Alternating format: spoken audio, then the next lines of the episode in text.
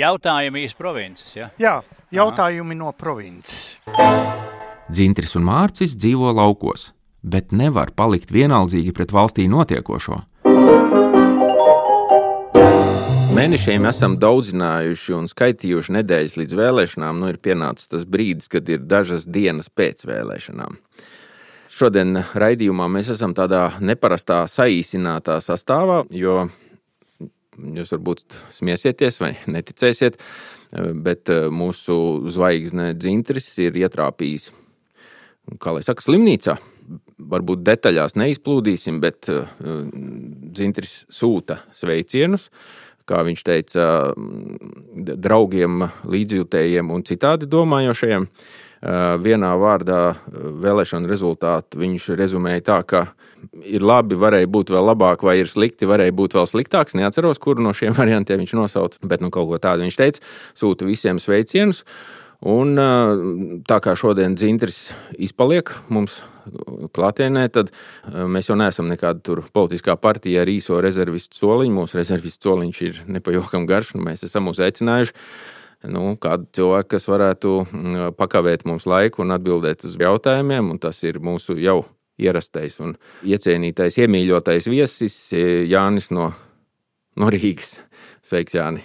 Sveiki! Tātad, ja kāds pēc balss vēl nav pazīstams, tas ir Jānis Ikstens. Sveiks, Mārcis, tu esi tur kaut kur? Esmu, esmu, esmu knosos. Tātad kompānijā Mārcis Bendiks, Jānis Ikstens un es varbūt uzdošu uzreiz abiem tādu tā iesildīšanās jautājumu. Nu kā, Jāni? Nu, droši vien jācitē klasiķis. Varēja būt vēl sliktāk. Bet, nu, ja nopietni runā, tad ar pārsteiguma piesitienu Un uh, savā ziņā tas ir, tas ir interesanti. Nu, Tīri cilvēciski tas ir interesanti.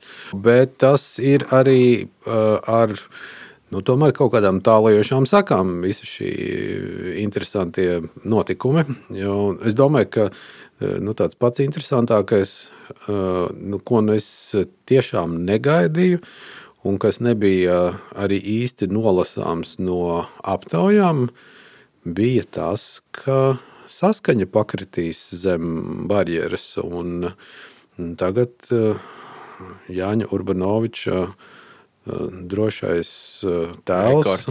Un, un, un arī rekords, jā, nu, ir, ir pārtrūcis. Un tas, protams, rada zināmu nestabilitātes sajūtu. Es pieņemu arī Austrumslāvu vēlētāju vidū. Bet nu, tas, tas pakritiens īstenībā diezgan daudz ko pasaka. Gan par saskaņu kā tādu, gan arī par to, kas notiek nu, šajā te, uh, austrumslāvu vēlētāju vidē un viņu galvās. Bet pirms mēs ķeramies pie tām galvām un mēģinām ielīst tajās, un droši vien vēl kādos citos pārsteigumos, tad droši vien Mārcis pateiks, nu kā. Tīri statistiski. Nē, pēc sajūtām varbūt. Nē, pēc sajūtām ir tā, ka sajūtās ir pa šo punktu ir izbrīns. Un tas izbrīns nav gluži tāds, ka, ak, es idiots, kā es to neiedomājos. Te ir ko padomāt, kā tas bija, ka neviens neiedomājās. Bet vispār neviens. Ja? Uh, mūsu aptaujā uh, 58 dalībnieki iesniedza uh, savus uh, nu, pieteikumus. Citi domāja, ka tā ir prognoze, citi domāja, ka tā ir spēle, vai vienkārši pamuļķoties. Nav svarīgi. Visi iesniedzēji, visi 100%. Tātad 58 no 58 bija atrodams viņu prognoze, cik būs saskaņai deputātu. Un tas viss bija no nulles atšķirīgi, ar vidējo svērto 12,2 statistisko. Un Mēs eh, neesam kā kolektīvs kopumā tik unikāli. Amatieru kolektīvs jau profesionāļi eh, faktumu interaktīvu pēdējā prognozē iedeva saskaņai uh, desmit vietas, un SKDS, kuri nedeva vietas, bet kur es atļāvos frivolu viņu vienkārši pēdējās prognozes procentus uh, eksterpolēt uz, uz deputātu vietām, tur man arī sanāca desmit. Ja? Tā tad visi, sākot no profesionāļiem un ieskaitot uh, pašu pasludinātus ekspertus un beidzot ar vienkārši cilvēkiem, kas grib pamuļķot pārējos un patrolēt. Visiem saskaņa bija iekšā. Pilnīgi visiem. Labi, tas tad, tad būtu tas lielais. Šajā gadījumā mums abiem sakrīt, bet lai mēs neiet uzreiz tādā dziļumā, mm, vai jūs piekristu, ka mēs vispirms pamēģinām uzspēlēt pavisam vēl vienu vienkāršo spēli uzvarētāju un zaudētāju? Nosaucam, kā, kā tev šķiet, tavi uzvarētāji un zaudētāji šobrīd? Nu, tur, es, es baidos, ka tur būs diezgan banāls tas uzskaitījums. Nu, um, Nu, labi, tīri formāli jaunā vienotība ir uzvarētāji. Viņi ir dabūjuši visvairāk balsu, visvairāk vietu. Viņu kandidāti ir tur uh, vis, visvairāk saplusotie. Līdz ar to pēc, pēc formāliem kritērijiem viņi ir uzvarētāji. Vai viņi būs uzvarētāji uh, drusku ilgākā termiņā, tad, kad lieta nonāks līdz, līdz valdībai un valdības darbam, tas ir nedaudz cits jautājums. Uh, otrs uzvarētājs ir zīmols Zaļo un Zemnieku savienība, kas eh, dzīvo un uzvar gluži kā dažu citu klasiķu idejas. Un eh, arī tas ir eh, tomēr pārsteidzoši. Labi, bet godīgi, jā, lai, lai būtu pilnīgi precīzi, tomēr ir jāpiebilst, ka tas nav viens pats uh, zīmols. Tur bija uh, tieši kā arī senos laikos dažas grāmatas tirgoja komplektā ar kaut ko vēl citu. Ar konserviem un kaut kādiem putrējumiem. Nē, nu vienkārši vermuts, vermuts ar mikšturiem. Uz, asto, uz 23. februāra komplekta frāzi. Jā, nu, vermuts un mikšturi. Es vēl nebiju tādā vecumā, kad man šitais bija aktuāli, bet es redzēju, ka dažas labas, tādas interesantas grāmatas tirgoju komplektā, piemēram, ar, ar pēdējā PSKP centrālās komitejas plēnuma lēmumiem. Un šeit tas komplekts ir ar Aivaru Lembergu. Jā, tātad tas ir tas, ir tas nu, otrais uzvarētājs Un, nu, laikam, ir jābūt trijiem. Ja? Protams, Rosļikovs. Protams, Rosļikovs, kurš ir nu, teikt, izgriezis pogas divām ļoti pieredzējušām partijām.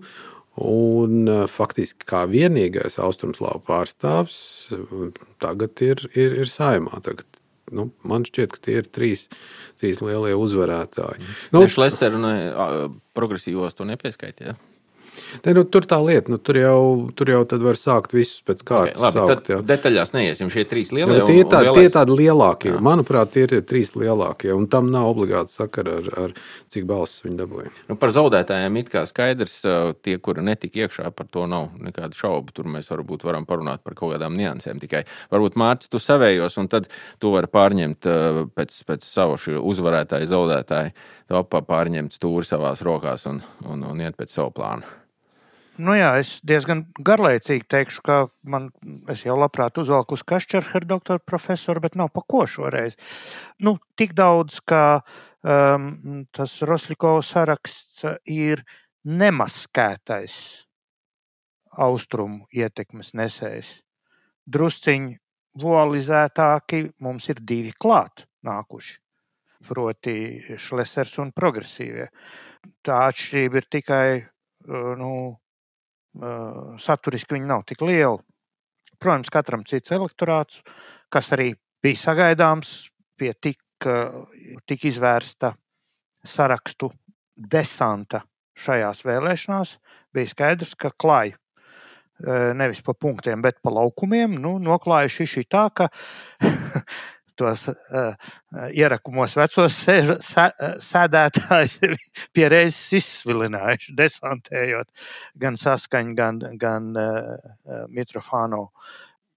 Bet uh, tas, ka nebūtu nozīme balsu daudzumam, es gribētu teikt tā, jaunai vienotībai tā uzvara bija diezgan iezīmēta tādēļ, ka nu, gandrīz bez alternatīvas dēļ, nu, redz, tādi viņi mums tur ir, nekā cita tur nav. Nu, tiem, kas e, tā saucamiem racionāliem vēlētājiem, kur tur par stabilitāti e, bez izsaukuma zīmes ar mazo burtu, un kuri par e, prognozējumību, un kuri par kaut kādu nu, valstiskumu un, un uh, normalitāti. Atbildīgie, un atbildīgie. Un, un atbildīgumu, jā. Un tā, Nu, tā neko, ko, ko tur darīt, jābalso par to, tad, par to vienotību ir.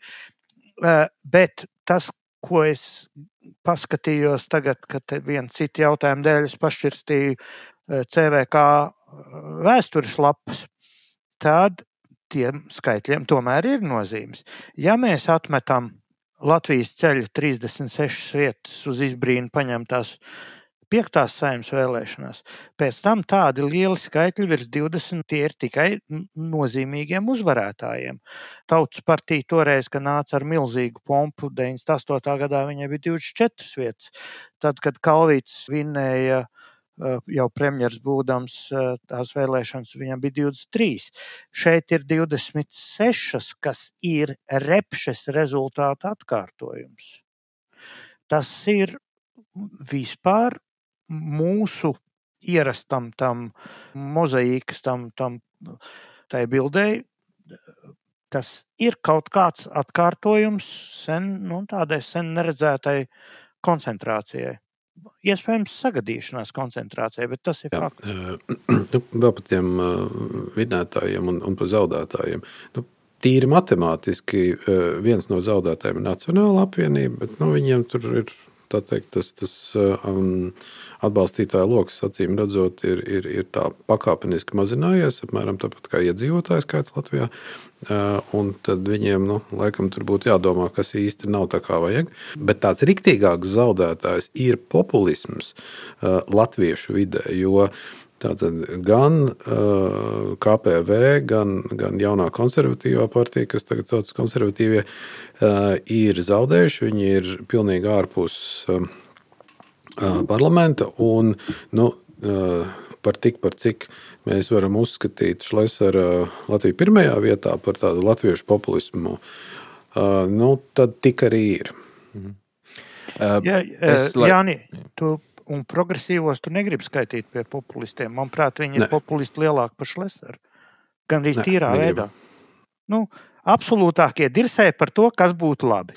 Nu, Redz, te, te ir, te ir uzreiz tāds, kā mēs katrs, kā mēs katrs definējam. Ja, ja mēs definējam bezsakara pļūtīšanu, tad par to, kā būtu stāsts, labi. Bet, Jā, bet es viņus de definēju drusku citādāk. Es viņus okay, definēju labi, kā tādus, labi, kas... Es tik pajautāju. Nu, jā, jā, labi, labi, labi. jā, un par nacionāļiem es gribētu par nacionāļiem uh, Jāņa vērtējums kā par zaudētājiem. Es gribētu pievienoties tādā ziņā, ka uh, viņi ir izsprukuši pa lēto. nu, pie tā, kādi viņi izskatījās, ko viņi darīja, vai pareizi sakot, ko nedarīja, uz tā fona kāds notiek reizes gadsimtā. Nu, viņi ir vienkārši palēto izsprukuši. Vienkārši, nu, Un, Bet jā, tas nu, laikam arī liecina par to, cik viņiem uh, tas atbalstītāju lokus tomēr ir lojāls jā, un jā, tāds jā. stabils. Jā, un tas ir tas, jā. kas viņus neapšaubām balsta un vienlaikus arī iemidzina. Jā, jā. par sapīkumu jāpiekrīt tieši man, man jau šķita, ka varbūt uh, klausītāji varbūt iemiks, jo it kā visi zina, kur tur vinnēja, kur, kur zaudēja, bet šo par Nacionālo apvienību es gribēju tā, tā kā no savas puses vienu mazu žagariņu, šogad uz tā fona, kas notiek apkārt, es personīgi to kā, nekā savādāk kā zaudējumu nevaru uztvert to, ko jā, viņi dabūja. Jā. Jā.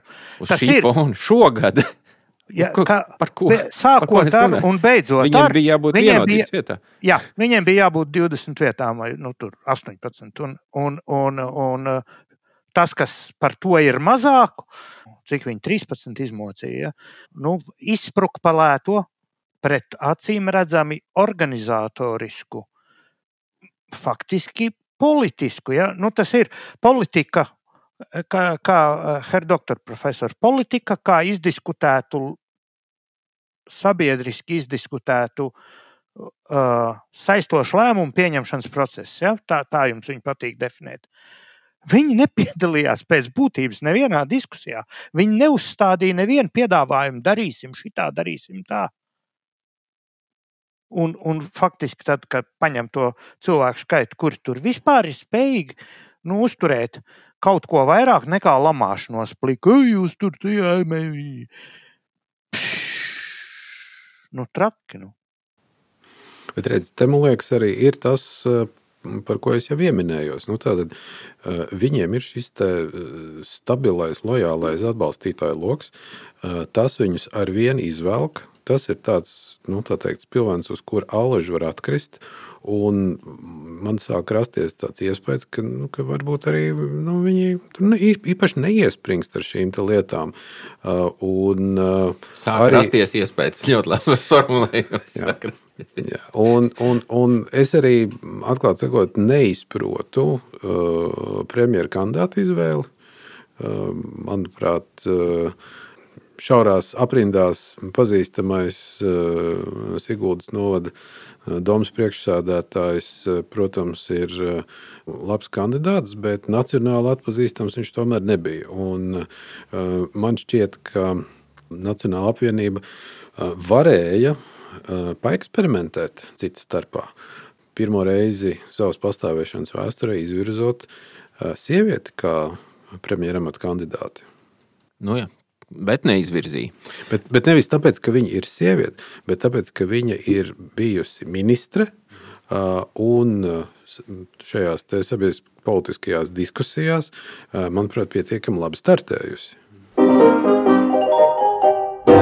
Atkal, Mārci, varbūt mēs noteikti tūlītās iesim dziļumā, bet es varbūt gribēju paraut jūs atpakaļ, atgādināt mūsu pagājušās sarunas, un puse no tā, ko mēs iepriekšējās sarunās esam šajā kompānijā runājuši, ir par līdzdalību. To jūs nepieminējāt. Jā. Varbūt vēl par šo, ja kādu vārdu sāks Jānis, un varbūt tu Mārcis. Tad... Nē, vai es varētu uzdot Jānim jautājumu, vai viņš joprojām paliek pie, pie tā, ka viņš neatbalsta manu hipotēzi par līdzdalības pazemināšanās korelāciju ar, ar frakciju skaita palielināšanos.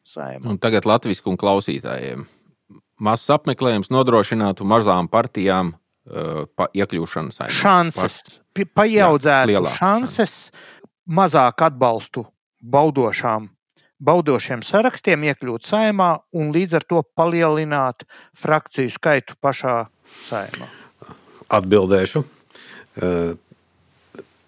Konkrētāku atbildi es uh, varēšu sniegt pēc tam, kad uh, būs uh, noticis nu, uh, pēcvēlēšana pētījums, pēcvēlēšana aptauja. Tad uh, man būs vairāk svaigu uh, datu par šo, bet pagaidām es patiešām palieku pie tā, ko esmu arī iepriekš teicis, ka uh, šī teorija, kas ir uh, neapšaubām ir loģiska teorija, uh, pieņem, ka tie Eh, mazo partiju atbalstītāji ir ārkārtīgi organizēti, motivēti un mm, to vien gaida, kā iet nobalsot. Eh, baidos, ka tas tā nav. Katrā gadījumā iepriekš veiktie pētījumi par to neliecina. Viņi izskatās, ka tie cilvēki ir mazāk motivēti, un tāpēc es arī nedomāju, ka pie eh, zemākas līdzdalības mēs automātiski dabūsim vairāk, vairāk frakciju. Okay. Jebkurā gadījumā pat ja tā ir bijusi aplama premisa, mūsu raidījuma tēmas uzturēšana un uh, novešana tā līdz zināmai histērijai ir izdarījusi uh, apvērsumu nacionālā tendencē, un proti mums bija uh, līdzdalības pieaugums iepratim visiem iepriekšējo gadu kritumiem. Es te kaut kur sev biju tabel, tabelīti uztaisījis, līdzdalība 11. saimnes vēlēšanām 59,5%, 12. 58, zem 59 jau, 13. saima 54,5, jau zem 55. Un tad tas pareģojums bija, ka ja tagad nokrīt uz 50, tad iestātos visa tā, mm, viss tas pasaules gals, ko es tur sludināju. Nu, pasaules gals neiestājās, jo dalība atgriezās 59,43, kas ir vēsturiski pietiekoši nu, divu, divu, trīs vēlēšanu līmeņos atpakaļ. Kas, nu, man jau šķiet, ka tas 60 mūsu dienās Eiropā ir puslīdz, puslīdz ok. Un līdz ar to gāja secen gāja secen šis 11, 11 frakciju parlaments mums. Starp visu citu, te jau ieskanās ik pa brīžam man informācija no mūsu vēlēšanu spēles. Tā tad mūsu dalībnieki piedāvāja savos spēles variantos sarakstu skaitu viens bija seši, viens, bet un maksimums bija 11, un tādi bija vairāk piedāvājumi. Un mediāna gāja pa 8,5, kas ir nu, diezgan liels skaitlis. Nu, tā, tā šausmas paskarēja garām. Saimā iekļuva septiņi tikai. Nu, līdz ar to, kā vairums bija prognozējis 8 vai 9, tad tās prognozes izrādījās nu, diezgan aplamas pret to, kā kādreiz ir bijuši. Starp citu, faktumu interaktīvu prognozē bija deviņi saraksti, un es kādreiz biju septiņi, bet neraugoties uz to, ka es kādreiz biju sarakstu skaitu pareizi, toties ļoti nepareizi izvēlējies prognozējis saraksts, un prognozē ir zem faktumu mūsu spēles noteikumu ietvaros. Tā tad viens no tādām strīdīgām hipotēzēm bija, ko jautājums par tiem balsošanu ar tukšajām aploksnēm. Es tādu pateikšu, kā man šķiet, un iespējams, ka man šķiet aplam, tādēļ, ka es nebiju tam pievērsis uzmanību. Tādai uzkrītošai kā pozīcijai, kā aģitācijai par izvēli, kā apzinātu izvēli balsot ar tukšu aploksni, es īsti ievēroju tikai iepriekšējās saimnes vēlēšanās, nu, kā masveida tādu. Nu, protams, šogad. Vai tāda bija jau kaut kad, nu, teiksim, uz 11, 12 sājiem? Neatcerieties. Cik es atceros, cik es atceros tad šī mode balsot ar tukšām aploksnēm ir parādījusies salīdzinoši nesen. Es pilnīgi piekrītu, ka 18. gada vēlēšanās nu, tas bija tādā, nu, neteiksim, reliģijas līmenī, bet katrā gadījumā tā, tā bija tās viena no izplatītajām sajūtām, ko darīt tad, ja nav par ko balsot. Šogad, cik es pagūvu novērot, man nešķiet, ka tas ir tik ļoti populārs uh, noskaņojums. Bet vienalga ir, ir cilvēki, kas uh, šādā te, uh, veidā ir, ir izpaudušies. Es neesmu pārbaudījis pēdējos ciparus, bet. Es ciparus nosaukšu. Es ciparus nosaukšu. Uz 13. un 12. saimnes vēlēšanu kopsavilkumu CVK ir sašķirojusi datus, cik ir bijušas tukšas un cik ir bijušas nederīgas. Ja? Tā tad ir derīgo aploksņu skaits, un tad ir derīgo sarakstu skaits. Un tur ir tā delta, kur veidojas tas, kur varētu šis te dzīvot. Un viņš sadalās atkal divās daļās. Viens, kas ir tukšs atploksnes kā tādas, un tad aploksnes, kurās nav bijis derīgs saturs. Bet mēs to nezinām par šīm vēlēšanām vēl. Mēs tikai zinām to deltu, kas apvieno abus šos skaitļus. Un tava aizdoma, ka tā lieta nav pārāk populāra, varētu būt daļēji pareiza, jo šogad šo aploksņu skaits, kurus nav saturējuši sevī vēlētāja balsi, ir 10,383. Iepretim iepriekšējo vēlēšanu 4920. Divreiz vairāk. Uh, bet pavisam tukšo aploksņu skaits 13. un 12. saimnes vēlēšanās ir ap 0,25%. Ap 0,25, vienā ir 0,25, vienā 0,23. Tas 1383 ir 1,13%. Un jautājums ir šoreiz laikam tiešām jāpagaida, lai, lai novērtētu šo fenomenu. Es saliku projekcijas, cik tukšu aploksņu mainīja un nemainīja to vēlēšanu rezultātu. Tas varētu būt pārāk garlaicīgi. Viņam ir jābūt stipri lielākam, būtu bijušam jābūt stipri lielākam nekā vēsturiski lai tur būtu kaut kas noticis. Tas ir pilnīgi iespējams, ka tā ir, nu, ka gails dzied un saule lec, un gails saka, ka reku saule uzlec, jo es te skaļu, skaļu nodziedāju. Un, lai pavisam atvēsinātu, tā tad desmitās sēmas vēlēšanās, kas jau ir sen aizmirsts notikums. Tas ir tās sēma, kuru atlaida. Viņi īsu dzīvi bija tajā desmitajā sēmai. Viņi vēlēja desmitajā gadā, pirms 12 gadiem. Ja? Es lasu no CVK mājaslapu. No visām vēlēšanu kastēm atrastajās vēlēšanu aploksnēs 20,697 bija bez derīgām vēlēšanu zīmēm. Tas ir divreiz lielāks nekā 22. gadā. Tas ir šādi skaitļi, pieciparu skaitļi aploksnēm, kuras nepiedalās gala beigās balsu sadalījumā. Tā ir mūsu izrādās ikdiena. Iespējams, ka te, tas process nu, ir kaut kas līdzīgs, manuprāt, kā biedrs, kā viņu sauc, Veremējevs, ja, kurš aicināja iznīcināt uh, statoilu, nu, Circle K nu, ar tādu kārtīgu boikotu. Nu, tas viņam, nu, viņš boikotēja, da boikotēja, un tam ir milzīgas sociāla politiskas sekas. Ja.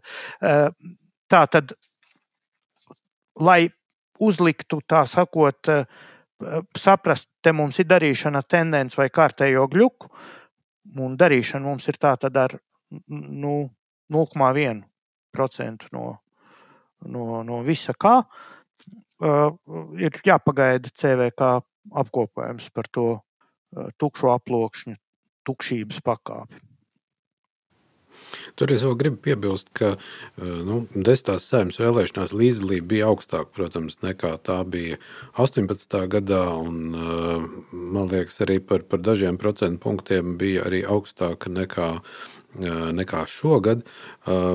Kas absolūtos skaitļos, nu, līdz ar to šķiet, ka tas tukšo aploksņu metēju skaits ir lielāks, bet varbūt procentuāli tas ir krietni līdzīgāk. Un, un faktiski varbūt var runāt par to, ka nu, kaut kāds. Kaut kāda neliela daļa no visiem balsotājiem ar vienu būs tādi, kas ies un metīs to, to tukšo aploksni. Bet kas būtu interesanti, tie, tie cipari kaut kur klejoja internetā, bet es noslinkoju tos paskatīties drusku rūpīgāk. Tie bija stāsti par to, cik šādus, šādas tukšās aploksnes ir nepieciešamas, nu, lai e, kaut cik pamainītu, nu, tā, kaut cik nozīmīgi pamainītu to 5% e, slieksni. Un, un interesantais jautājums ir, vai tie cilvēki, kas aizgāja nobalsot ar tukšu aploksni, e, neizgāza attīstībai par. Ja viņi būtu palikuši mājās, tad varbūt ne, attīstībai tā, par to gandrīz, tas šoreiz ir gandrīz droši, ka tā ir. Tas šoreiz ir Tas ir fakts, jo attīstībai par pietrūka 251 laikam balss. Ja. Tur tā, tas procents slieksnis es pareiķināju tev par prieku. Jā. Tā tad, ja starp tukšajām aploksnēm puse ir pa, pa īstam tukšas, un puse ir kļūdaini tukšas, ja? neieskaitīts. Izdarām pieņēmumu, ka tā puse no 10,383. Ja 650 cilvēki paliktu mājās un nenobalsotu, tad būtu 5,00% eh, attīstībai par pie visiem citiem nevainīgiem faktoriem. Tā kā, Kādas līksmības būtu tik daudzās ģimenēs? Jāsaka, Nē, es domāju, ka līksmības tomēr šoreiz bija vairāk.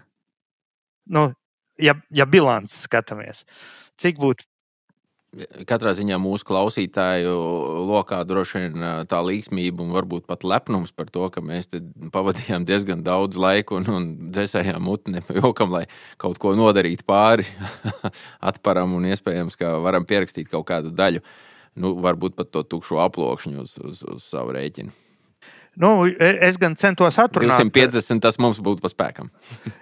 nu, tad, tur, tur ir jau, mēs tuvojamies tam, ka ir, ir zināma mēroga sadarbība starp notikumiem nacionālā mērogā un mūsu pastāvīgo klausītāju skaitu. Tur kaut kas tāds sāk veidoties. Jā.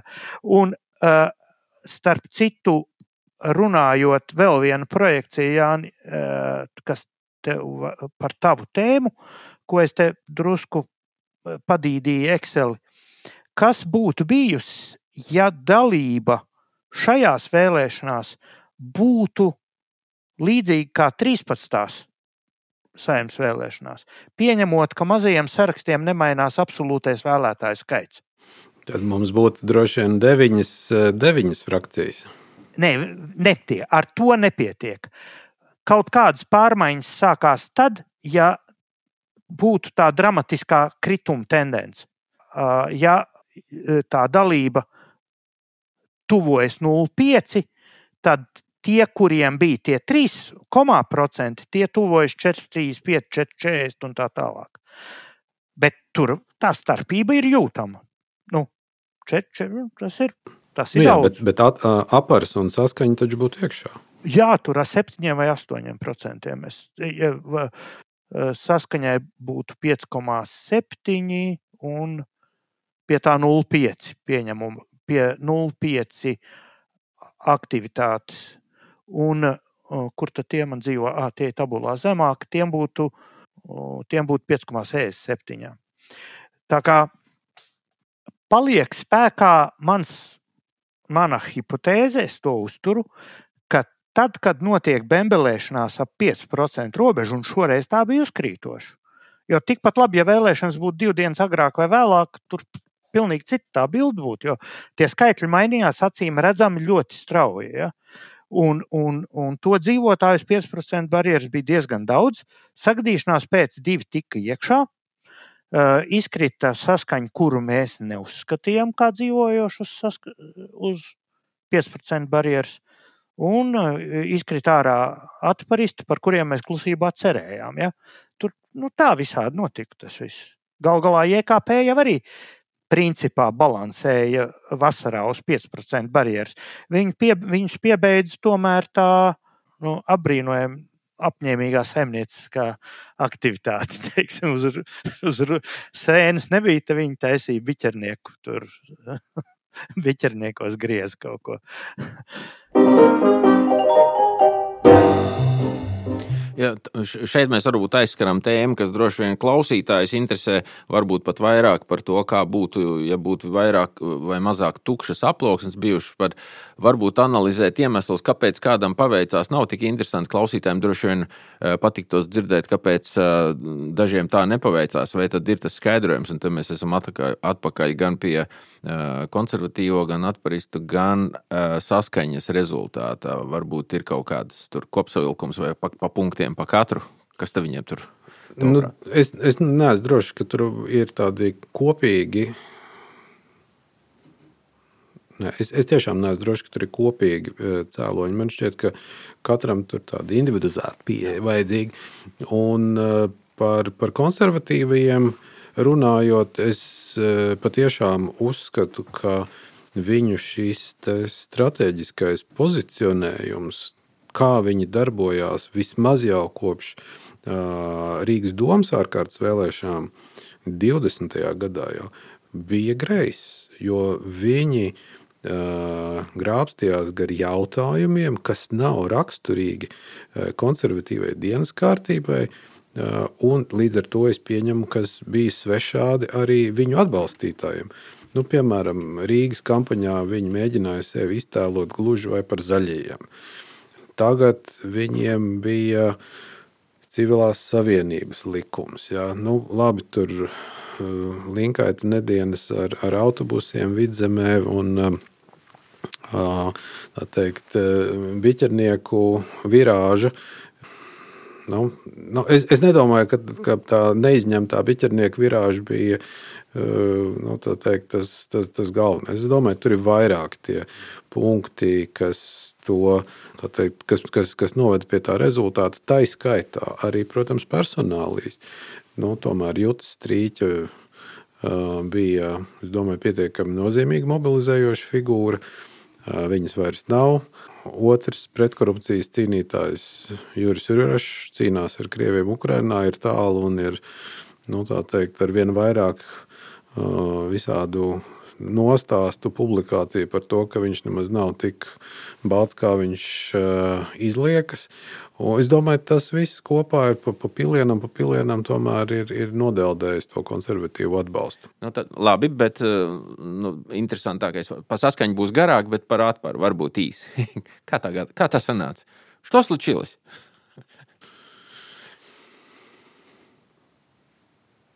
Es teiktu, ka apars gluži vienkārši nespēja pārliecināt cilvēkus par to, ka viņu krīzes menedžments un menedžmenta guru ir tiešām bijis ārkārtīgi veiksmīgs. Un mēs zinām, ka nu, tātad, veselības ministrijā tur ir bijuši daudz visādi skaļi iepirkumi. Daži no tiem ir arī apcerēti šķiet arī šajā raidījumā. Tur ir nu, jau leģendārās zelta gultas, tāpat arī miljoniem vērtas un, kā izrādās, šobrīd nevajadzīgas vakcīnas, vakcīnu devas.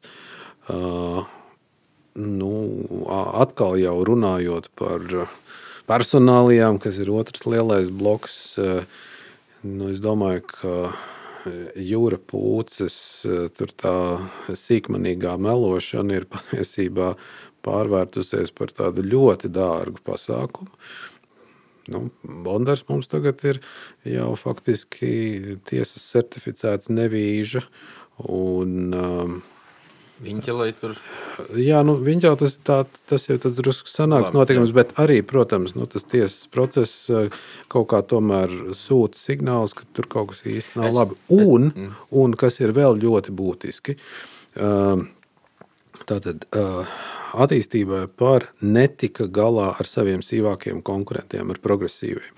Progresīvie šeit ienāca uz tāda svaiguma, jaunuma viļņa, kaut kas līdzīgs īstenībā kā 18. gadā ar konservatīviem un Nacionālo apvienību. Un, bet atšķirībā no Nacionālās apvienības, kurai ir tas lojālais un, un programmatiski motivētais vēlētājs, attīstībai par tādu nav. Pirmkārt, viņi paši sastāv no nu, vismaz divām daļām. Un, Nu, arī iekšēji tur nemaz nav tik vienkārši. Tāpēc es teiktu, ka nu, atkal ja, iekšēji, ārēji faktori, kas nu, teikt, to, to ļoti nomazināja. Saprotams, ka ja, ja, ja, ja kaut kāda tur, teiksim, tur, nezinu, 5000 cilvēku nebūtu atnākuši uz vēlēšanām, varbūt es dziedātu nedaudz atšķirīgu dziesmu, bet viņi noteikti būtu sadaļā zaudētāji. Jo, protams, ka no 13, es atvainojos, jā, no, no 13 vietām nokrist, teiksim, uz 6, 7, nu nav nekāds milzu panākums. Līdz ar to tie faktori būtu tādi pati, bet nu, tā vēstures garšviela nejaušība droši vien nu, teikt, nu, tikai akcentēja to, kas jau tur bija iekšā. Bet es gribu atgādināt arī mūsu sarunu pirmo šī raidījuma ietvaros jau pirms mēnešiem. Toreiz runājām par to, kuri faktori tur kaut ko izšķirs. Un, uh, Man, man šķiet, ka jūs abi vienojāties, ka Covid nebūs tas, kurš izšķirs šīs vēlēšanas, bet redz, kā atparam tas ir izšķīris. Nevis tiešā veidā, bet kā atsitiens ir nācis jā, nu netiešā, jā, nu netiešā veidā. Līdzīgi arī kā, nu, kā, kā karš, karš Ukrainā, viņš arī savā ziņā nu, netiešā veidā daudz ko ietekmē. Mārci?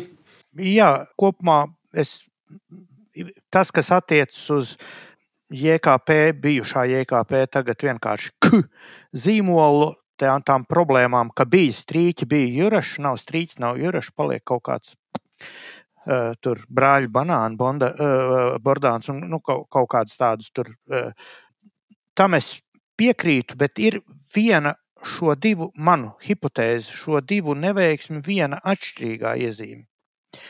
Un tā ir tāda, ka JKP bija partija, par kuru balsoja daudzi no viņu vēlētājiem, kas personīgi nepazina nevienu jēkāpistu. Viņi redzēja, re, te ir šitāds piedāvājums, te reku jāstrīķu, un tad Bordāns, reku viņš saka, gudrs cilvēks, advokāts, visādi runā skaisti un tā. Un viņi varētu būt īstie, jo tie eh, jo viņi ļoti nacionāli, un tie nacionāļi ir slimesti, slaisti un tur aizsēdējušies, un tā, un šitie ir aktīvāki, un šitie cīnīsies, un tā un tā.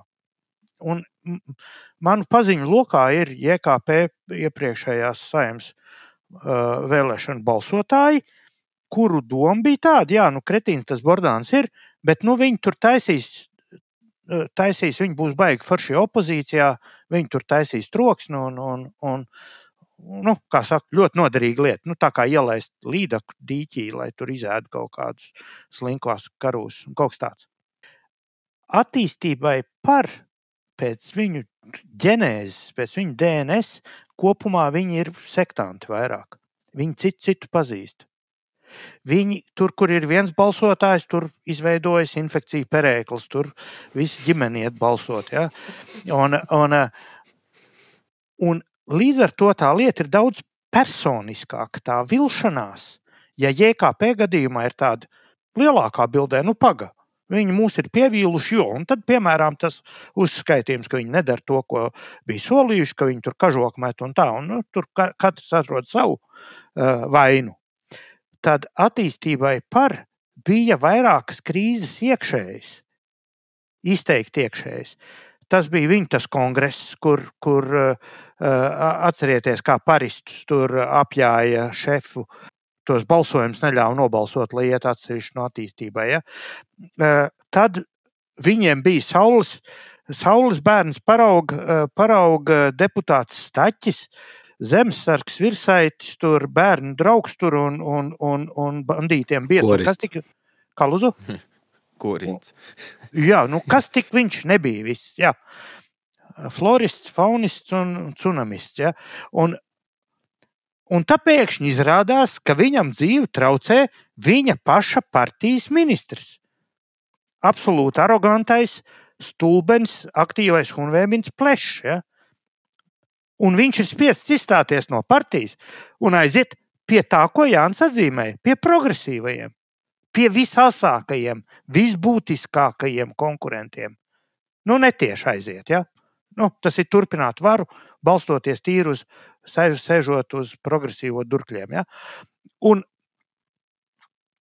tas atparistiem kā sektantiem kopumā, es domāju, tīpaši tajā par sadaļā, bija sevišķi uh, nu, kaitīgi, ka katra šī te, katra pūces uznāciens, nu, es jau tikai tur 400 nospēru, nu, big deal, nu, ko jūs man te piesienās, vai ne? Vai, vai ministrs plešs, kas ir, nu, kādreiz pa, atcerieties, kā mēs pa, par Latvijas ceļu runājam, kā par vīzdegunīgiem un iedomīgiem tā tālāk, ja? Bet Latvijas ceļa vīzdegunīgie un iedomīgie, nu, bija kompetenti cilvēki, un viņu visdegunība balstījās tajā, ka viņi zina, ka viņi zina labāk un, un ko tur daudz skaidroties. Plešs jau ir pilnīgs stulbenis. Ja? Un, un viņa visdegunība balstās tajā, ka viņš nevis visu zina, bet ka viņš reāli neko nejēdz. Ja? Un, un tas kopumā šo te organizācija, kas no vienas puses balstījās uz attīstības pirmotnējo to uzstādījumu, nu, kur bija labējā domāšana, uzņēmēji. Nu, nu, viņi bija tā kā pat ne liberāli, viņi bija labēji konservatīvi ekonomiskā nozīmē. Nu, taupīgi, saprātīgi, racionāli un labēji, mazi nodokļi un, un iniciatīva. Un tā. nu, Latvijas ceļš divi vai trīs pēc jaunā. Nu, kaut laika. kā tā uz to pusi, jā. Un paristi kuri bija šausmīgi personīgi. Nu, kā tur veidojās, tur, kur, tur, kur vēl tie zinātnieki bija klāti, kur, kur nāca it kā ar visādi godīgumu un tādu un šito un vēl kaut ko. Un viņi ir personīgi vīlušies visā tajā. Tas ir tas iespējas, kas man ir rasties, jo man, kā saka, tos eh, rados visi ir atparisti bijuši balsotāji. Un, un, un eh, es esmu vairījies no visādiem ģimenes, ģimenes sajietiem, jo, nu, nu kam sūdi tāpat pietiek dzīvē, ko tur, ko tur sevišķi vēl, vēl uzprasīties, vēl ņems un piekaus.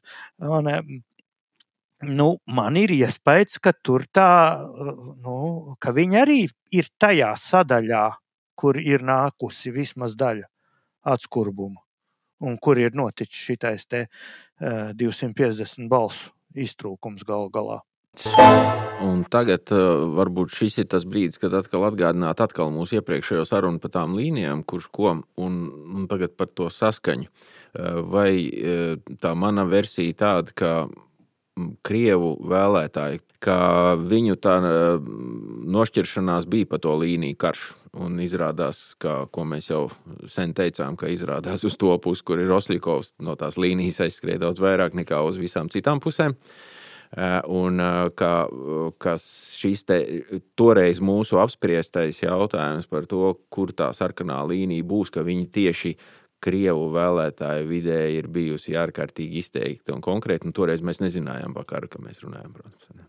Karš ir diezgan būtiski sašķēlis šo austrumslāvu kopienu, vai turpinājuši šķelt. Tas jau iesākās 14. gadā, kad nu, daudziem ukrāņiem mainījās attieksme. Vienīgi tas, ka ukrāņu Latvijā ir salīdzinoši maz. Un, nu, manuprāt, būtiski ir tas, ka šis karš ir atrāvis vaļā dažādas vātis, tā izskaitā arī latviešu pusē, bet šis karš ir arī ļoti skaidri parādījis tagad, skatoties vēlēšanu rezultātos, ka mūsu nu, 20 plus gadus īstenotā Eh, sabiedrības integrācijas, jeb sabiedrības saliedēšanas eh, politika ir, nu, maigi izsakoties, eh, nesusi tādus pieticīgus rezultātus. Nu, es teiktu, tas ir katastrofa, ko mēs šobrīd redzam. Nu, Latgali un, un šis, ko mēs tas, nu, nu, par ko nu, tur vispār vairs runāt. Nē, nu, es nav, domāju, ka Mārcis pateiks vēl droši.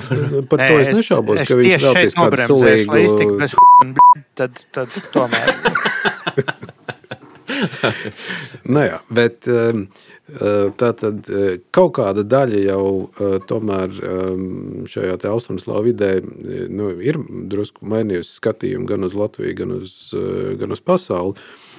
Tāpēc es, es nebūtu varbūt tik kategorisks, bet nu, ir skaidrs, ka šobrīd liela daļa, un droši vien pat nevis liela daļa, bet lielākā daļa balstiesīgo austrumslāvu Eh, ir aizgājuši tajā radikālajā virzienā. Ja?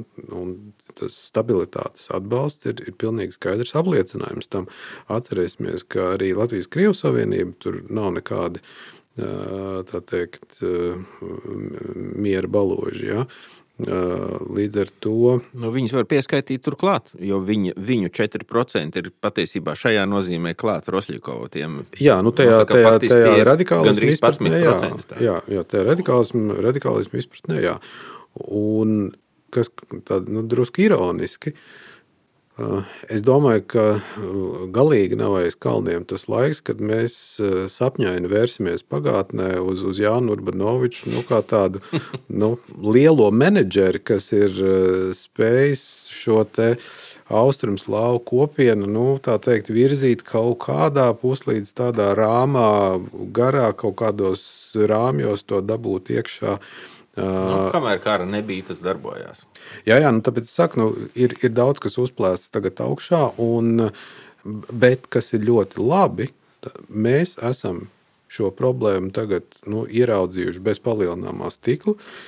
Es domāju, ka jaunajai valdībai šis ir viens no ļoti būtiskiem jautājumiem. Tas nebūs ātrais jautājums, jā, tas nebūs tur biķerniekus teikt, nošķiņķot, bet uh, tas būs uh, jautājums, kas prasīs šīs saimnes, nākošās un varbūt arī aiznākošās saimnes pūles. Mārcis. Tā tad nāku, mēs, bijām, mm -hmm. mēs bijām liecinieki mm, saskaņas līderi Jāņa Urbanoviča paziņojums šķiet otrā, trešā dienā pēc kara sākuma, kurā viņš paņēma ļoti skaidru un uh, riskantu, nu, tādu izšķirīgu, izšķirīgu līniju, kura varēja gadījumā, ja viņš to būtu izvilcis līdz galam, dot viņam kaut kādu citu statusu Latvijas politiskajā vidē. Es atgādināšu, kā taisīja valdības visās iepriekšējās saimās. Apsvērumi bija tādi, lielākā frakcija ir saskaņai, bet tā kā valdībā viņu nevar ņemt, tad mums te ir jādomā, kāda ir aritmētika. Un, ja cita aritmētika nesanāk, tad jātaisa tāda valdība, kāda sanāk, jo tā, un tā tālāk. Šeit tas varēja pamainīties gadījumā, ja šī partijas spice varētu izvilkt šī paziņojuma nu, to toni, to aplombu. Ja? Man radās iespējas, es viņiem pārāk nesekoju, bet pēc tām paziņojumiem, kas tur nāca, cits pēc cita, viņi bija tādi apaļāki un tādi un šitādi, netik kantaini. Tas ir tas izbīles skaidri zaudēt vienu daļu savu elektorātu, nezinot, ar ko to aizstāt, radīja apjukumu, kura simboliska manifestācija bija mēra brieža ielikšana sarakstā. Simboliska. Jo no vienas puses ir partijas priekšsēdētājs, kas 20. Eh, kurā tur februārī paziņo pilnīgi cietu, skaidru un tādu paziņojumu, zem kuras pats varētu parakstīties. Un tad parādās mērs Briedis, kurš eh, jau ilgstoši ir zākāts par to, ka visam, viss ir netik vienkārši un ka vajadzētu dzīvot mierā un ka Ukraiņi var būt paši arī vainīgi un tā tālāk. Un jebkurš mēģinājums pievilkt savai pozīcijai kaut kā citādi domājošos, ar šo bija cauri. Bija uztaisīts špagats un izkrist cauri tiem plauktiem, uz kuriem turējies. Un līdz ar to, pat ja tur bija kaut kāda daļa, ne tik ļoti simtprocentīgi krievu, ja, nu, no, no, no tādiem sabiedrības slāņiem, kur ir varbūt netik skaidrs tās līnijas, un, bet kuri varbūt sākotnēji pat bija nu, skaidrākās pozīcijās attiecībā pret karu, līdzīgāks Urbanovičam, viņiem arī bija kur pamukt, tā kā atnāca briedis. Viņi aizgāja pie progresīvajiem. Un tad izrādās, ka ja tev ir viena daļa atņēmis skaidrs, skaidrs profešists Rosļikovs, kurš pie reizes aptīrīja arī LKS, jo tie bija pārāk pensionārus iežūžinoši. Ja? O, ka jāiemaut cietāk. Ja? Un tad jauniem cilvēkiem, kuri nepiekrīt Roslikovam, palikt pie mēra brieža nebija nu, nu, vienkārši jau bija pretīgi, nu, tad tur bija iespēja, kur palikt. Piemēram, pie draudzenes Ņēnāševs, ko viņi personīgi visi pazīst. Es šeit vēl pieliktu dažas citas lietas arī klāt. Um, ja, ja mēs runājam par šo Urbanoviču paziņojumu par, par, par attieksmi, pret, vai saskaņas attieksmi pret, pret Krievijas karu Ukrajinā, jā, tas bija, bet pēc tam, manuprāt, tur notika tāda nu, pakāpeniska, pakāpeniska kāpšanās atpakaļ. Jo bija laikam tā sajūta, jā, jā, jā, ka nu, mēs esam bijuši aizšaujuši pa tālu. Jā, nu, tas bišķi, jā, jā. tieši to domāju. Tad bija tāda maza maz solīša atpakaļ. Un tad, bet interesantais jautājums, un, un tur droši vien tikai pats Jānis Urbanovičs var atbildēt, kas bija Mairis Briedis un kas bija uh, Ivars Zariņš, kā redzams šīs uh, kampaņas figūras. Uh, es to gribētu skatīt. Uh, Kā, nu, no vienas puses, varbūt arī kaut kādu mazu izmisumu, bet no otras puses, es mēģinātu uh, atsaukt atmiņā apmēram 10 gadus, 12 gadus senus notikumus, kad saskaņa ļoti mērķiecīgi centās piesaistīt latviešu balsis. Un tad viņi sarakstos lika pietiekami daudz um, latviešu kandidātus. Viņi taisīja attiecīgas vēlēšanu kampaņas. Ta, tas viņiem strādāja līdz 14. gadam, jo tad bija teikt, Ukraiņas kara sākums, Tas vienkārši tā kā nazi tika nogriezts. Un tagad man šķiet, ka viņi mēģināja kaut kādu otro pieejamību šitam taisīt.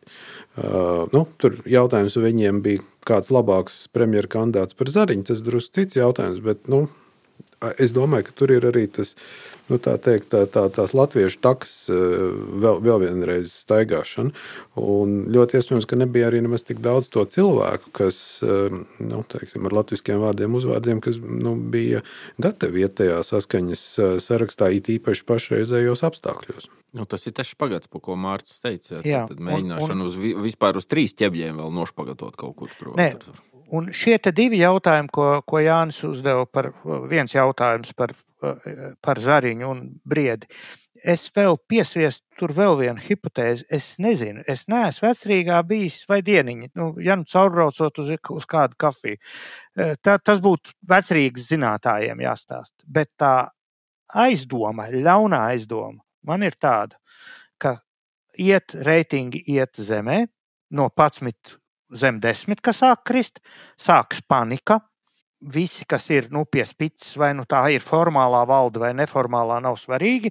Sāk katrs nākt ar savu ideju, jāglābjas šitā, jāglābjas tā.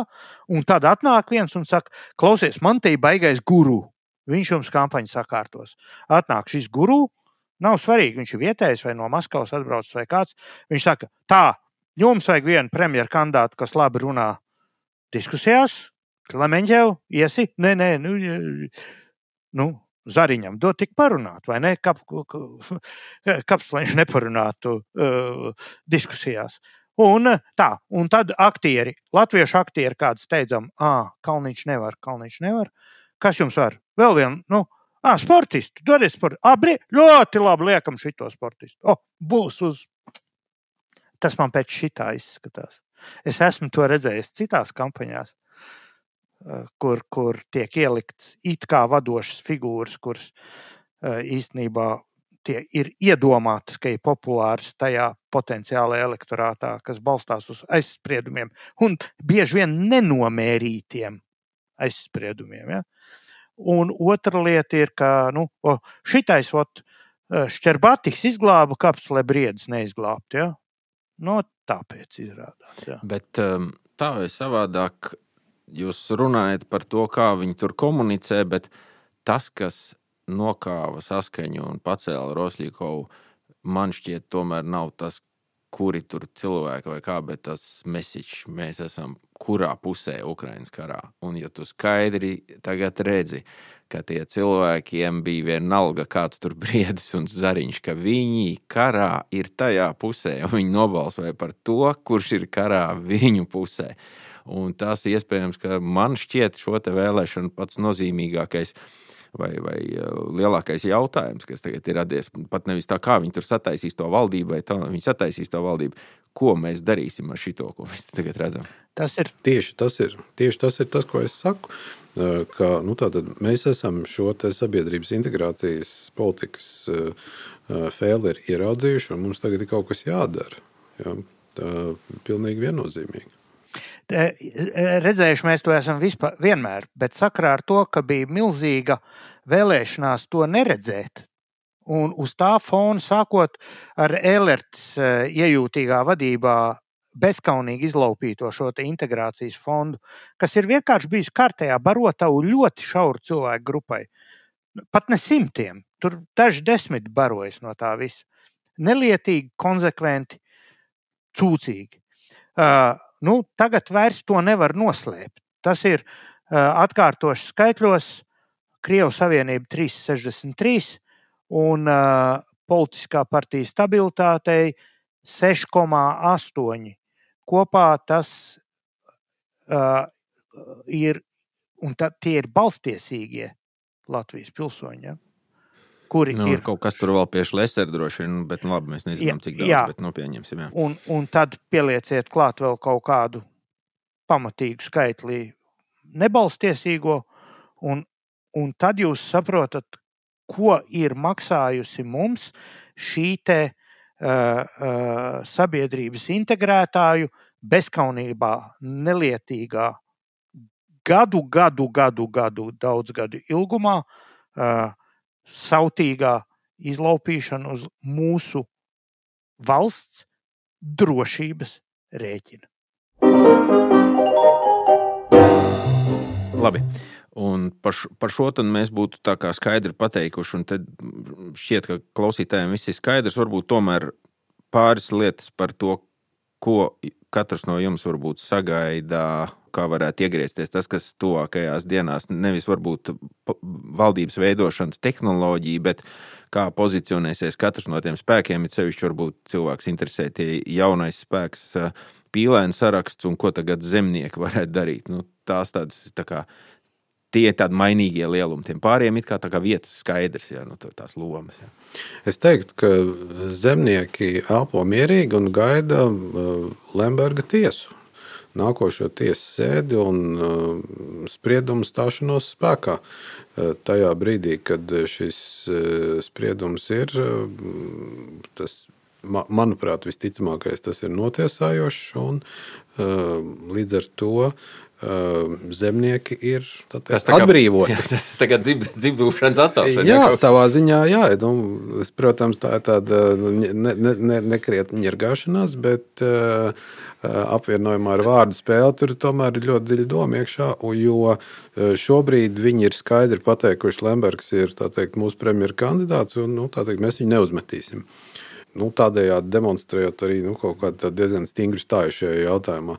Bet uh, skaidrs ir arī, ka pateicoties šādai stingrai stājai, viņi nekādā koalīcijā iekšā netiek. Un, nu, tā, tā, tā teikt, situācijas maiņa var nākt tikai ar šo tiesas spriedumu. Tad viņi var teikt, nu jā, nu, tagad ir pilnīgi skaidrs, ka uh, Lembergs ir tāds un tāds un tāds. Nu, tad teikt, Aivar, paldies! Ja? Nu, tālāk mēs bez tevis. Z- Tu pa zemniekiem. man ir tāds iespējas, ka šobrīd viņi no tādas praktiskās parlamentārisma funkcionēšanas viedokļa pārņems saskaņas vietu. Viņi ir liela frakcija, kuru neņem valdībā. nu, tas tā kā upē akmens iekrits, nu, kurš peld pa šito pusi, kurš pa to pusi kaut kādas tur apakšā varbūt kāds uh, dzīvo kāds, kāds uh, vēzis vai kāda vēdzela paliena apakšā, bet nu, tā, nu, tur viņš ir tas akmens, ko tu darīsi. Akmens liels, jā, uh, tas nav kaut kāds tur sīkums. Tā kā tas ir tas, kas ir diezgan neizbēgami, pat diezgan neatkarīgi no tā tiesas sprieduma. Jo tas, ka ģenētiski ir milzu līdzība starp daļu no pīlēna saraksta un, un zemsaviešiem, tas ir taisnība. Bet iemesls, kāpēc eh, tur tā tās tie procesi tik ļoti strauji aizgāja ar to pīlēna sarakstu veidošanu, bija tas, ka tur bija sens konflikts ZZS iekšā, kurš centrējās ap, pamatā ap Kučinski. Jo Kučinski, kā ZZS premjerministrs, kā zināms, Lembergs zaģēja paklusām, cik vien varēja. Ja? Un tur tas, tās attiecības neaizmirsīsies tik ātri. Es domāju, tur eh, vienotība, kā ļoti pareizie, nu, viņi tādi mums paši pareizākie, baltie tēvi un mātes un, un, un visi kopā. Viņi teiks, ne, nekādā gadījumā ar tādiem, kas tur.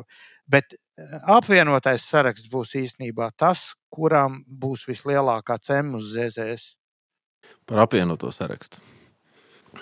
Es ar interesi gaidu, kādus eh, krīzes menedžmenta mehānismus un formātus eh, šis saraksts piedāvās. Jo īstenībā tas ir viņu svarīgākais vēstījums eh, sabiedrībai priekšvēlēšana periodā. Nu, tātad mēs esam pieredzējuši menedžeri, pieredzējuši krīžu vadītāji, bet atklāti sakot, nu, neko jau tālāk par apgalvojumu viņi nav tikuši. Vismaz es neesmu dzirdējis. Ja es pareizi saprotu, tad Svētdien vakarā diskusijā pie, pie Jāņa Dombūra tur kaut kas tur drusku tika, tika nedaudz atšifrēts, kā kaut kāda tur nu, operatīvā vadības grupa plus jā, jā. vai kaut kas tāds - piedāvāja mazo, jā, mazo bet, politbiroju. bet, bet nu, īsti nav skaidrs, ko, ko, tas, ko tas nozīmē, kādas funkcijas un tā tālāk. Man būtu gribējies lielāku detalizācijas pakāpi šim piedāvājumam. Tas ir viens nu, nedaudz ilgākā termiņā. Jautājums ir, cik stipra būs šī te, četru komponentu savienība, jo tur ir četri komponenti, trīs partijas plus pīlēns ar dombiedriem. Latvijas politikā tā pieredze tāda, ka uz ātru roku kopā sadiegti veidojumi nav ilglaicīgi. Es domāju, ka nu, tur ir tajā apvienotajā sarakstā ir pietiekami daudz gados jaunu un ambiciozu politiķu, kuri varētu gribēt atspērties uz savām partijām, un nu, tur, uz zaļajiem, uz, uz, uz, uz reģioniem. Nu, jau kaut kā varbūt arī sākt skatīties uz kaut kādu atsevišķu politisko karjeru. Atkarībā no tā, protams, kā tur tie visi darbi noritēs.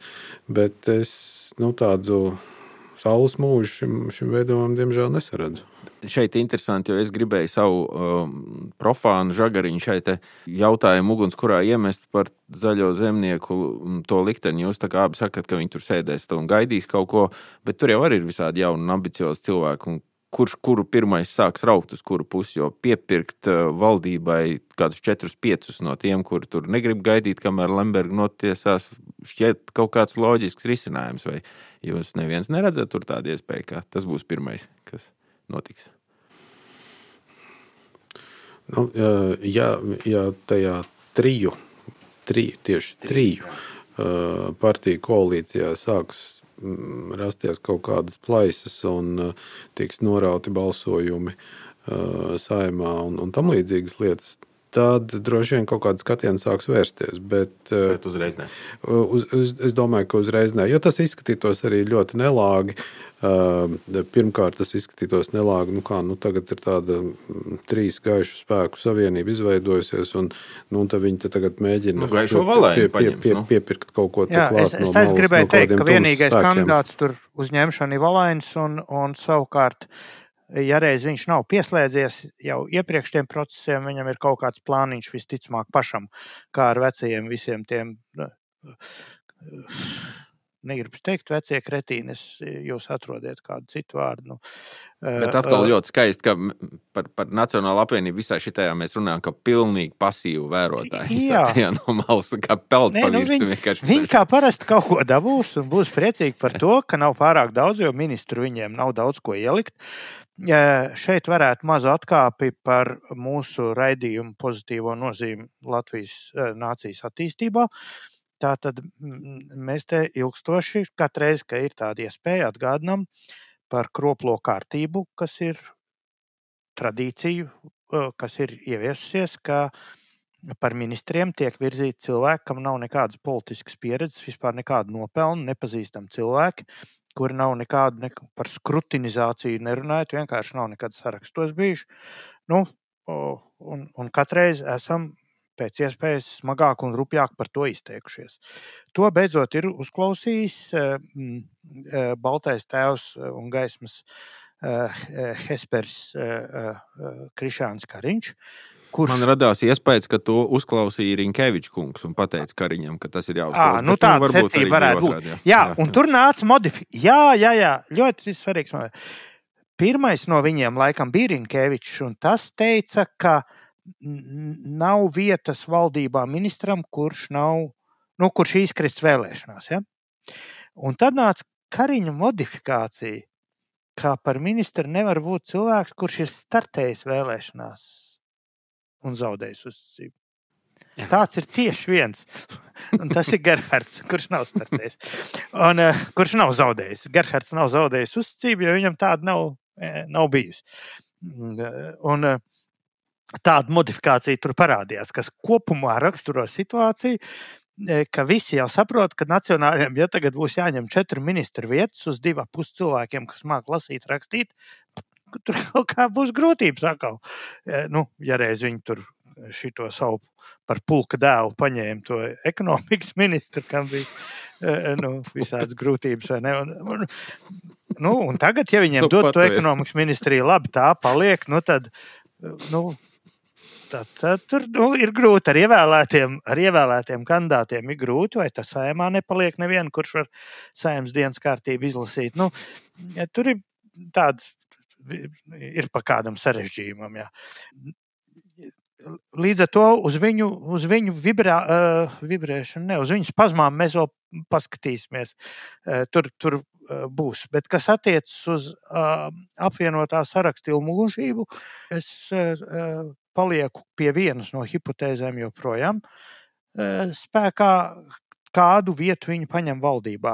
Es jau pirms vēlēšanām teicu, ja viņi startē švaki un viņas kā e, mazais partneris ieiet e, koalīcijā un viņiem tur ir viena vai pusotras ministra vietas, tad viņi dēļ savām tām iekšējām spriedzēm ilgi ar to nevarēs apmierināties un tur pajuks tā vai šitādi. Tagad, kad viņi nav nekāds mazais partneris, ka viņi ir nu, līdzvērtīgs partneris, ja, un tas ministru vietu skaits varētu būt trīs vai četras, kas, ja ir trīs partiju koalīcija, šķiet, ka četras vietas iznāk puslīdz, puslīdz droši. Tad tur var katram iedalīt. Jo ko nozīmē? Ir četri ministri, četri parlamentārie sekretāri, četri ministru biroja vadītāji. Tas jau ir 12 uh, personāži. Plus nāk iekšā uh, ja ministri noliek mandātus, tad nāk iekšā vēl tur citi, atkarībā no ministrs, tur no kura gabala. Ja? Plus, ja Kučinskis paliek parlamentā un kļūst par frakcijas vadītāju, es no tās viņa intervijas, kad viņš šeit televīzijā bija viņam tur uzdeva jautājumu, nu, tad valdībā ies vai kā. Viņš tur nē, nē, no tās viņa atburkšķēšanas varēja saprast, ka viņš labprāt atgrieztos tajā matā, kur viņš e, bija šajā sājumā ilgu laiku. Tas ir Nacionālās drošības tās komisijas, ja? tā viņa sauc, Nacionālās drošības komisijas vadītājs. Un, ja viņš vēl ir arī frakcijas vadītājs, tas ir pirmkārt atbilst viņa pašreizējai ambīcijai, manuprāt. Tas ir ļoti labi apmaksāta kombinācija. Tā ir viena no, viena no ienesīgākajiem uh, posteņu kombinācijām saimā, kas vispār ir. Nu, tiešām iznāk labi apmaksāta. Un Mārim Kučinskim var pārmest daudz ko, bet Es atceros, kad viņš bija tautas partijas frakcijas vadītājs. Viņam pārmet to, ka viņš ir pārāk diplomātisks, pārāk iet uz sarunām, pārāk draudzējās ar visiem, pārāk tur, nu, jo tie tautas partijas, tie karavīgākie cilvēki bija nu, nemierā ar visu šo viņa draudzīgumu. Ja? Tas šajā gadījumā var izrādīties nu, tā īstā saturis līmviela, kas to visu saimniecību var saturēt kopā. Jo, jo pats jo pīlēnam uh, ir politiska pieredze tajā pašā tautas partijā, ilgadīgs valdes loceklis, bet viņam nav parlamentārās pieredzes, kas ir specifiska lieta. Darbs ar, darbs ar visu to, kas notiek Jēkab ielā, tikai tā ir tāds klais populisms, iztēlot to par kaut kādu bikšdimēnu eh, deldēšanu un nekā nedarīšanu. Tas tā nav. Eh, parlamentu vadošie cilvēki, viņiem ir jāstrādā diezgan, un ja viņi nestrādā, tad to uzreiz jūt Eh, attiecīgā partija darba rezultātā un pēc tam reitingos. Bet eh, vai mēs par to varam būt salīdzinoši droši, ka mm, valdība visticamāk tiks sataisīta ar pirmo reizi, un tas, no kā mēs ļoti baidījāmies, ka mēs nokļūsim kaut kādā starpvaldību posmā, tas visticamāk neno, nenotiks. Ne? Nu, vismaz šobrīd tā izskatās, un mēs par to varētu neuztraukties. Mēs varētu sākt uztraukties par kaut ko citu. Šobrīd izskatās, ka nu, trīs partijas vai trīs saraksti, pareizāk sakot, veido nu, ļoti skaidru, ideoloģiski salīdzinoši viendabīgu pamatu nākošajai koalīcijai. Un no tāda koalīcijas dalībnieku viedokļa faktiski vienīgais jautājums ir, nu, vai ņemt tos progresīvos vai neņemt tos progresīvos. Uh, viņu paņemšana tīri matemātiski palielina nu, to koalīcijas apjomu. Uh, Nu, tur tad ir eh, jādalās uzreiz eh, ar, ar ministriem, ar, ar, ar komisiju vadītājiem. Jā, tāda riteņbraukšanas ministra vēl nav, ko viņiem tā mierīgi atdot bez sāpēm. Ne? Nu, tā ir skaitā. Un, un kas ir vēl varbūt būtiskāk, tur uzreiz parādās vai, vai, vai aktualizējas dažādi jautājumi, par kuriem tajā koalīcijā nemaz ne, nav tāda liela vienprātība. Nu, piemēram, tas pats slavenais civilās savienības likums. Ja, es, es nezinu, cik tā ir nu, aktuāla problēma jaunai vienotībai. Ja. Es, es, es neizslēdzu, ka viņi to varētu nu, tā, tā teikt, mīļā, miera labad atlikt uz kaut kādu drusku vēlāku laiku. Uh, Savukārt progresīvajiem tas ir viens no viņu nu, teikt, eh, definējošajiem eh, momentiem. Viņi to, protams, tādā vai citādā veidā gribētu ieraudzīt eh, koalīcijas līgumā, vai nu, varbūt netiešā veidā, bet tomēr viņi to gribētu redzēt.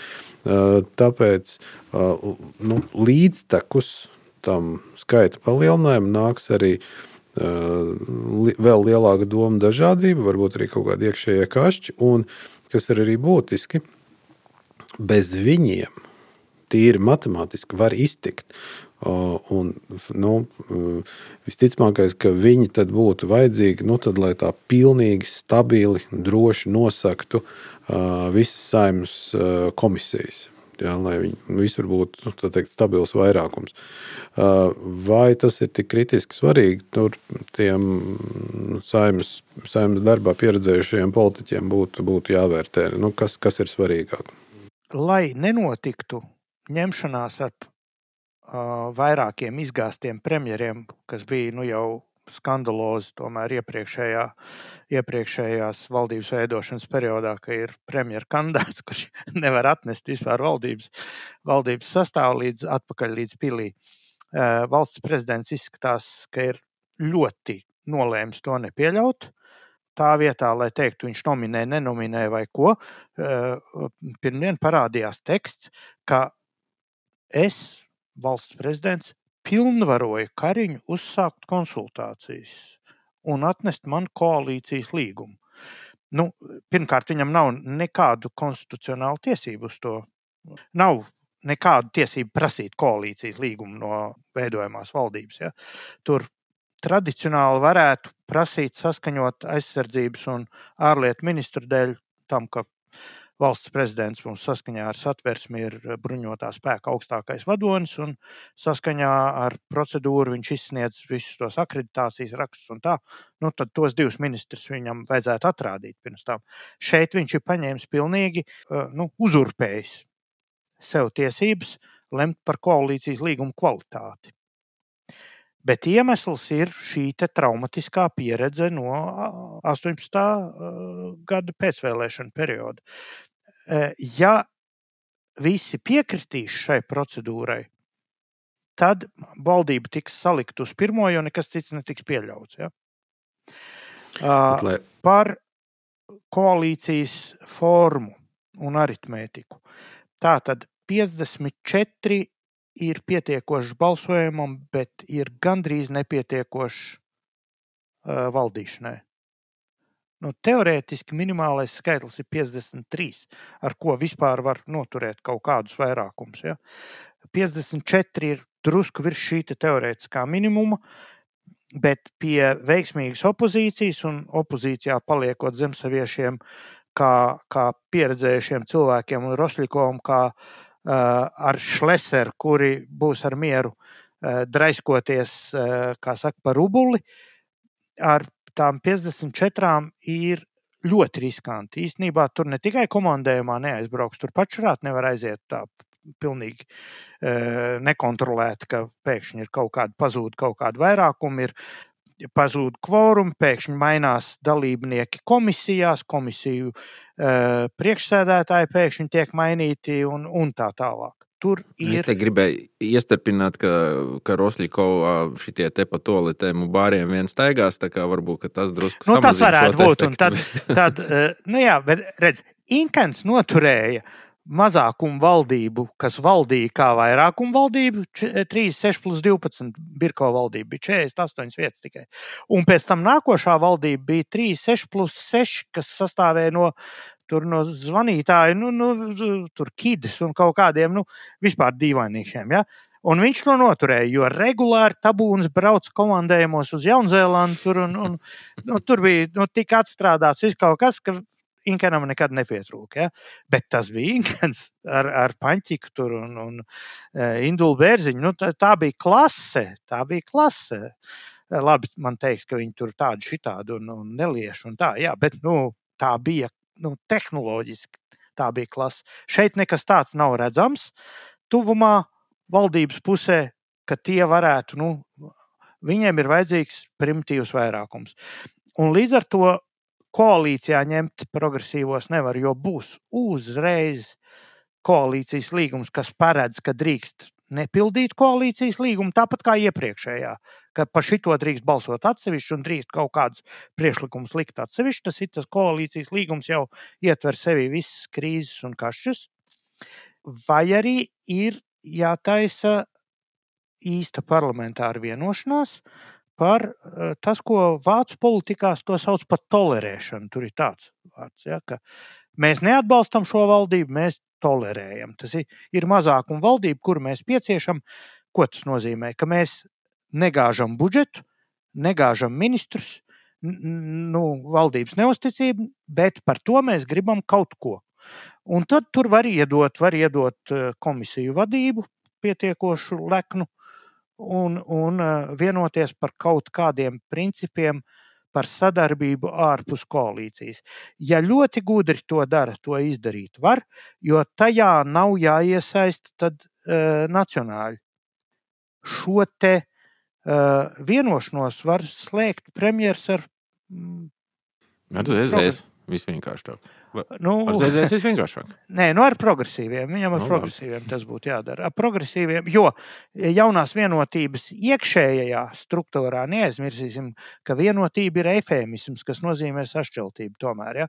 Tur arī ir viņu vēsture, ir raibumtarēba. Tur ir sākot no pirmā iesaukuma repsiānistiem, marsiešiem, atsaldētiem un beidzot ar, ar pilnīgi progresīvu nomaldījušos publiku, kas caur Zatleru jūgenu centās atkal kur nest mums laimi valstī. Ja?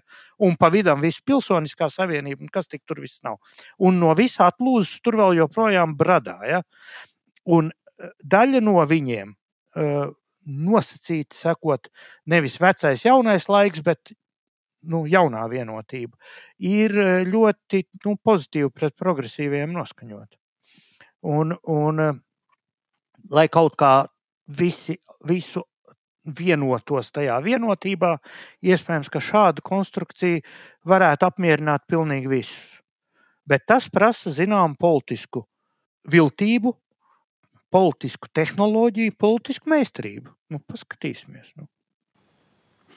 Ja es gribētu uzpīt mazu intridziņu par valsts prezidentu šo pilnvarojumu Krišānam Kariņam, tad es teiktu, ka šī ir zīme, ka Egils Levits nav pārliecināts, ka Krišāns Kariņš patiešām kļūs par, eh, par premjeru, kurš ir spējīgs savākt pietiekamu atbalstu, un ka viņš nu, teikt, eh, atbalso tās šaubas un ne tādu urā patriotisku atbalstu Kariņam, eh, kas izskanēja gan no Nacionālās apvienības, gan no apvienotā saraksta jau pavisam drīz pēc vēlēšanām, kur nu, gan viena, gan otra teica, nu, nu paskatīsimies, paskatīsimies. Vispirms parunāsim par programmu un tad par personāliem.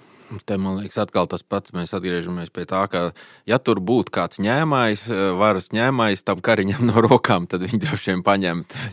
Baidos, ka varbūt. Tā, vecrīgā jau runā, ka tur ir ņēmājs nav tālāk par Valdemāru 3 jāmeklē. Tur, turpat nav, nav, nav, nav mašīna jābrauc. Uh, nu, un, tas, jau tur ģimenes, tas jau ģimenes lokā tikai. Un, nu jā, bet nu, tā mēdz tas ir, ziniet, kā Kains Ābeli tur vai dieniņi. Un pēc tam vēl teica, ka nezinu, kur palicis. Jā drusku papļāpājām par to iespējamo mm, valdību. Tas viss katru dienu mainīsies, kamēr šis raidījums būs vēl svaigs. Droši vien pat pirmajās dienās tur būs jauna informācija, kas noteikti notiks. Tas, ko mēs šobrīd uh, varam teikt, ka kopumā uh, tās vēlēšanas bija ar ļoti izteiktiem pārsteigumiem. Uh, bet varēja būt daudz sliktāk. Daži no iznākumiem ir patiesībā nozīmē kaut ko tādu, tā kā, tādu ko, par ko mēs varētu priecāties. Un savukārt parādījās viena pilnīgi skaidra, jaunā, milzīgā problēma, ko darīt ar eh, šo te mm, nelojālo, izteikti un demonstratīvu un atklāti nelojālo sabiedrības daļu. Ja? Tad, tad tas ir apmēram tas kopsavilkums ja, no šīm vēlēšanām. Kaut kā tā varētu vārds. Tu vari kaut ko pielikt klāt pie tā kopsavilkuma? Nu, tīri tehniski vienkārši atgādināt, ka iepriekšējo valdību, kad veidoja divas lielākās frakcijas, bija KPVLV un JKP. Un nākošā tūlīt bija atparisti. Kur viņi visi ir? Uhu, hiu. Tas nozīmē, ka sabiedrība savā ziņā, un to rāda arī palielinātā aktivitāte iepratim iepriekšējām vēlēšanām, ka sabiedrība ātrāk uztver visu šo falšo, ka vienas kadences laikā tiek notīrīta valdība un tiek lielā mērā notīrīta arī opozīcija. Ja? Saskaņa arī ir e, pēkšņi izšķīdusi, ja? nu, pārgrupējusies. Laikam tā būtu pareizāk jāsaka, tā, tā doma. Tas ir. E, elektorāts ir bijis aktīvāks gan skaitliski, gan saturiski. Tas ir tas, kas nu, man, man šķiet atšķir no iepriekšējā, varbūt uh, iepriekšējiem pāris cikliem, kas bija šausmīgi miegaini. Nu jā, tas uh, noticis, šis, šī aktivitāte, tas pieaugums un uh, cilvēku līdzdalība savā nākotnē ir droši vien nevis tāpēc, ka politiķi to panāca ar savām kampaņām, bet nu, tā dzīve tāda iegriezās. Nu, tad bija divas lielas lietas - karš un šī covid risinājumi, kas ir būtiski atstājuši šos te, te pēdas, ja, sekas, zemestrīces faktiski. Nē, nu, cilvēki daudz labāk saprot, pēkšņi, ka tas uz viņiem attiecas. Ka nav tā, es te dzīvoju savu dzīvi, tur laist burkānus un audzēju trušus, un tur, lai viņi tur ņemās. Nē, izrādās, tev var neļaut audzēt trušus, jo uh, truši nav potēti un tu neesi potēts. Un, un, un tev var vispār vienkārši uzmest bumbu uz galvas. Ja? Un, tas uz tevi attiecas, uz taviem burkāniem, uz taviem trušiem un uz tevi pašu. Labi, Jāni, pirms mēs pasakām paldies tev uh, par kārtējo šo tavu ieguldījumu raidījuma aizpildīšanā, vai tu arī kaut ko vēl, vai gribi varbūt kaut ko pateikt? Tā kā noslēguma vārdus no vēlējuma. Nu, diemžēl jūs man atņēmāt, vai izņēmāt vārdus no mutes par to nu, ļoti saspiesto četru gadu laiku. Ja? Tur ir tiešām ļoti blīvi notikumi ar, ar milzīgām sekām. Bet tu jau to ļoti labi noformulēji. Tā, es man, man neko, neko neteikšu īpaši. To, šo te var pat nemaz nelikt iekšā. Mm. Eh, paldies tev par komplimentu, paldies tev par eh, piedalīšanos. Un, eh, Un paldies klausītājiem, ka atkal esat pavadījuši vienu pusotru stundu šo uzmanīgi un vērīgi klausoties, un varbūt pat pierakstot. Raidījums vēl pavisam nebeidzās. Pēc īsas pauzes svarīgs paziņojums. Telefona radio raidījums jautājums no provinces sāka skanēt 2021. gada septembrī. Katru nedēļu, un dažreiz pat pāris reizes nedēļā, jūs klausījāties, kā Dzintris un Mārcis nevar palikt vienaldzīgi par pasaulē notiekošo. Mūsu projekts sākās kā eksperiments. Pamēģinās piecas raidījumus, tad skatīsies. Bet izpelnījāmies klausītāju atsaucību un tika nolemts turpināt līdz gada beigām, un pēc tam jau Nu tad, lai iet, laižam līdz vēlēšanām. Jautājums no provinces sākās un arī palika entuziasma, azarta un nedaudz arī misijas apziņas virzīts kopdarbs. Tieši vēlēšanas bija tas vērstes staps, līdz kurām bijām nolēmuši iet, lai tur vai kas, un nosprauduši sev uzdevumus. Asināt savu klausītāju pilsonisko pozīciju, panākt ieinteresētu līdzdalību vēlēšanās un pierādīt, ka sarunām par politiku nav jābūt garlaicīgām lai nu kā savu mērķi uzskatām par lielā mērā sasniegtu. Vēlēšanas ir notikušas, un ar iznākumu, kas bez mūsu iejaukšanās varēja būt sliktāks. Esam pierādījuši, ka latviešiem ir vajadzīgs raidījums, kurā lietas sauc īstajos vārdos un runājot, neskatās par plecu, ko teiks saimnieks, cenzors vai priekšniecība. Kopš pavasara raidījumam palīdzēja notikt klausītāju finansiālais atbalsts. Gribu pateikt lielu paldies katram, kurš mūsu darbu novērtēja ar ziedojumu. Īpašs personīgs paldies Aivaram, Arnim, Sigitam, Edgaram un Aijai, kuru atbalsts tālu pārsniedza pieklājības robežas. Paldies un ceram, ka nepievīlām. Šobrīd raidījums ir krustcelēs piebremzējis, un mēs esam nolēmuši atvilkt elpu, paklusēt un pavērot. Mēs pārdomāsim, kas paveikts, izvērtēsim savus spēkus un meklēsim domu biedrus, ar kuriem kopā kopt pilsoniskās un neatkarīgās publicistikas drūvu. Šobrīd jūs klausāties pēdējo šī cikla sēriju. Kad un vai būsim šādā sastāvā atpakaļ, to rādīs laiks. Vēlam savam cīņu biedram Dzintrim ātrāk atgūt veselību un dzīves prieku, un sakām paldies tev par klausīšanos, uzticēšanos un līdzdalību. Labi, Mārcis, tad vēlreiz sūtām sveicienus klāt nēsošajam dzintrim. Aicinām klausītājus un visas labās gribas cilvēkus turēt īkšķi par dzintra ātru atvesaļošanās un iespējams arī raidījumu atgriešanos kādā tuvākā vai tālākā nākotnē. Mārcija, varbūt tev kāds vārds uz perona? Paldies! Paldies visiem, kas ir pacietīgi klausījušies. Liels paldies!